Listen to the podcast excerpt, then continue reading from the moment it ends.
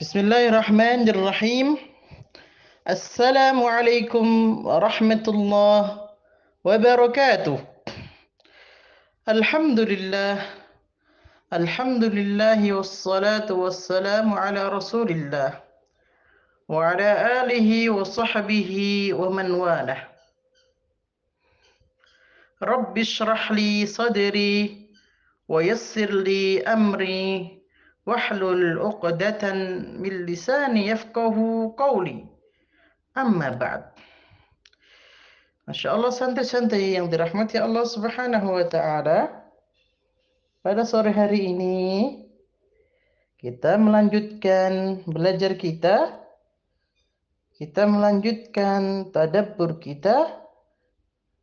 Kita melanjutkan pelajaran tarbiyah Qur'aniyah mempelajari, memahami kandungan-kandungan surat-surat Al-Quran di juz 30. Masya Allah. Pada pertemuan Jumat lalu sudah kita selesaikan ayat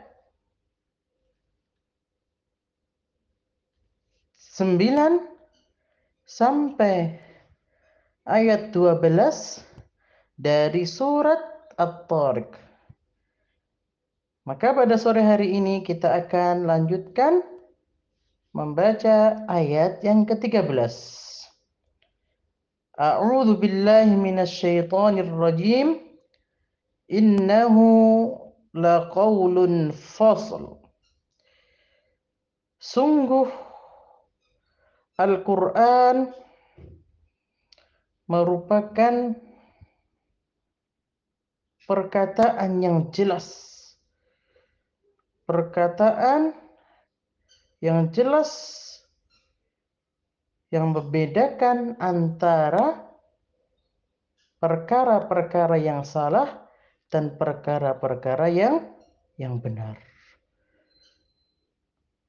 Adik-adikku yang dirahmati Allah Subhanahu wa taala, santri-santri TPK Ibnu Abbas yang dirahmati Allah. Di dalam ayat ini Allah Subhanahu wa taala menjelaskan bahwa Al-Qur'an yang turun dari Allah Subhanahu wa taala kepada Nabi Muhammad sallallahu alaihi wasallam yang setiap hari kita senantiasa membacanya merupakan firman Allah Subhanahu wa taala perkataan yang jelas Al-Quran menjelaskan hal-hal yang benar dan Al-Quran menjelaskan hal-hal yang salah. Hal-hal benar, kebenaran yang harus kita laksanakan, yang harus kita ikuti, dan perkara-perkara yang salah yang harus kita tinggalkan. Ada sebuah perbuatan ataupun amalan yang itu wajib kita laksanakan, maka kita laksanakan Ketika ada amalan yang haram kita untuk melaksanakannya, maka kita tinggalkan. Allah Subhanahu wa taala menjelaskan ada makanan-makanan yang halal. Buah-buahan, anggur, kurma, delima. Allah Subhanahu wa taala menjelaskan ada binatang-binatang ternak, sapi, kambing. Itu adalah binatang ternak yang halal yang kita diperbolehkan untuk memakannya. Dan Allah pula yang menjelaskan kepada kita mana makanan yang haram yang harus kita tinggalkan di antaranya adalah daging ba, daging babi. Allah Subhanahu wa taala firman di dalam Al-Qur'an, salat adalah perkara yang wajib yang harus kita laksanakan.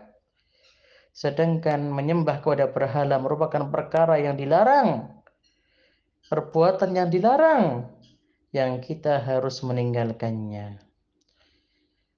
Baik, santri-santri dirahmati Allah Subhanahu wa taala, maka dari ayat pertama ini kita belajar dan kita yakin Al-Qur'an telah menjelaskan sejelas-jelasnya apa yang harus kita kerjakan dan apa yang harus kita tinggalkan.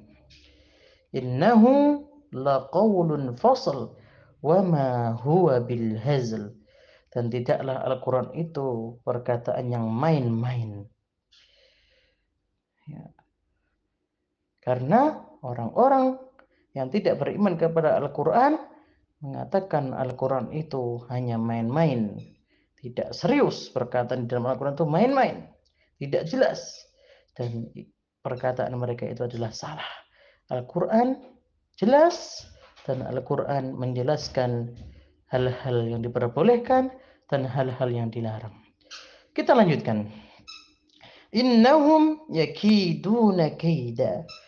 Orang-orang yang tidak mau beriman kepada Rasulullah.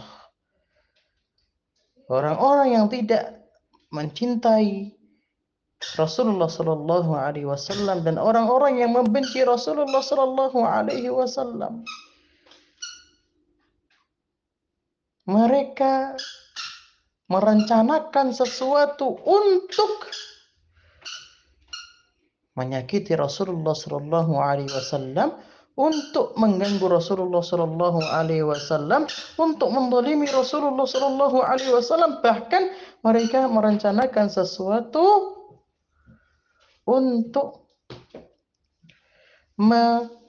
membunuh Rasulullah Sallallahu Alaihi Wasallam. Innahum yakiduna kaida. Namun Allah Subhanahu wa taala juga memiliki rencana. Wa akidu kaida dan Allah Subhanahu wa taala memiliki rencana. Lihat santri-santri yang dirahmati Allah Subhanahu wa taala. Dalam cerita hijrahnya Nabi sallallahu alaihi wasallam ketika orang-orang musyrikin Quraisy membuat sayembara pengumuman yang mampu menemukan Nabi Muhammad sallallahu alaihi wasallam baik dalam keadaan hidup ataupun mati maka akan diberi kepada dia unta yang sangat banyak 100 unta. Namun dengan izin Allah Subhanahu wa taala Allah Subhanahu wa taala merencanakan rencana yang mana rencana dari Allah Subhanahu wa taala menggagalkan rencana musyrikin Quraisy untuk membunuh Rasulullah sallallahu alaihi wasallam. Ingat kisah dalam hijrah orang-orang musyrikin Quraisy mencari Rasulullah dan Abu Bakar yang telah keluar dari tempat tinggalnya.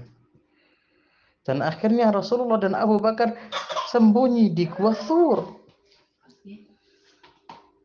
Musyrikin Quraisy mencari Rasulullah Shallallahu Alaihi Wasallam sampai mereka berada di depan gua Thur. Tapi ketika mereka mau masuk, ada yang berkata, lihat di depan pintu gua ini ada rumah laba-laba. Di depan pintu ini ada rumah burung. Susuhan ya. Sangkar burung kalau ada orang yang masuk ke gua tersebut, niscaya rumah laba-laba ini akan rusak. Niscaya sangkar burung ini akan rusak dan burung itu akan terbang. Ini adalah rencana Allah Subhanahu wa taala ya, agar mereka tidak mengetahui dan tidak memasuki gua tersebut.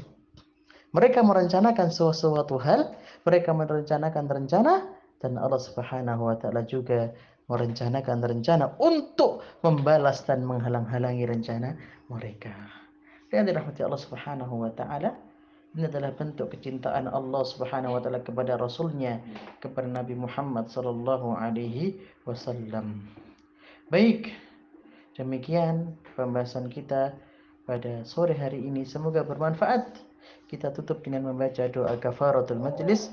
Subhanaka Allahumma bihamdika أشهد أن لا إله إلا أنت أستغفرك وأتوب إليك. والحمد لله. والسلام عليكم ورحمة الله وبركاته.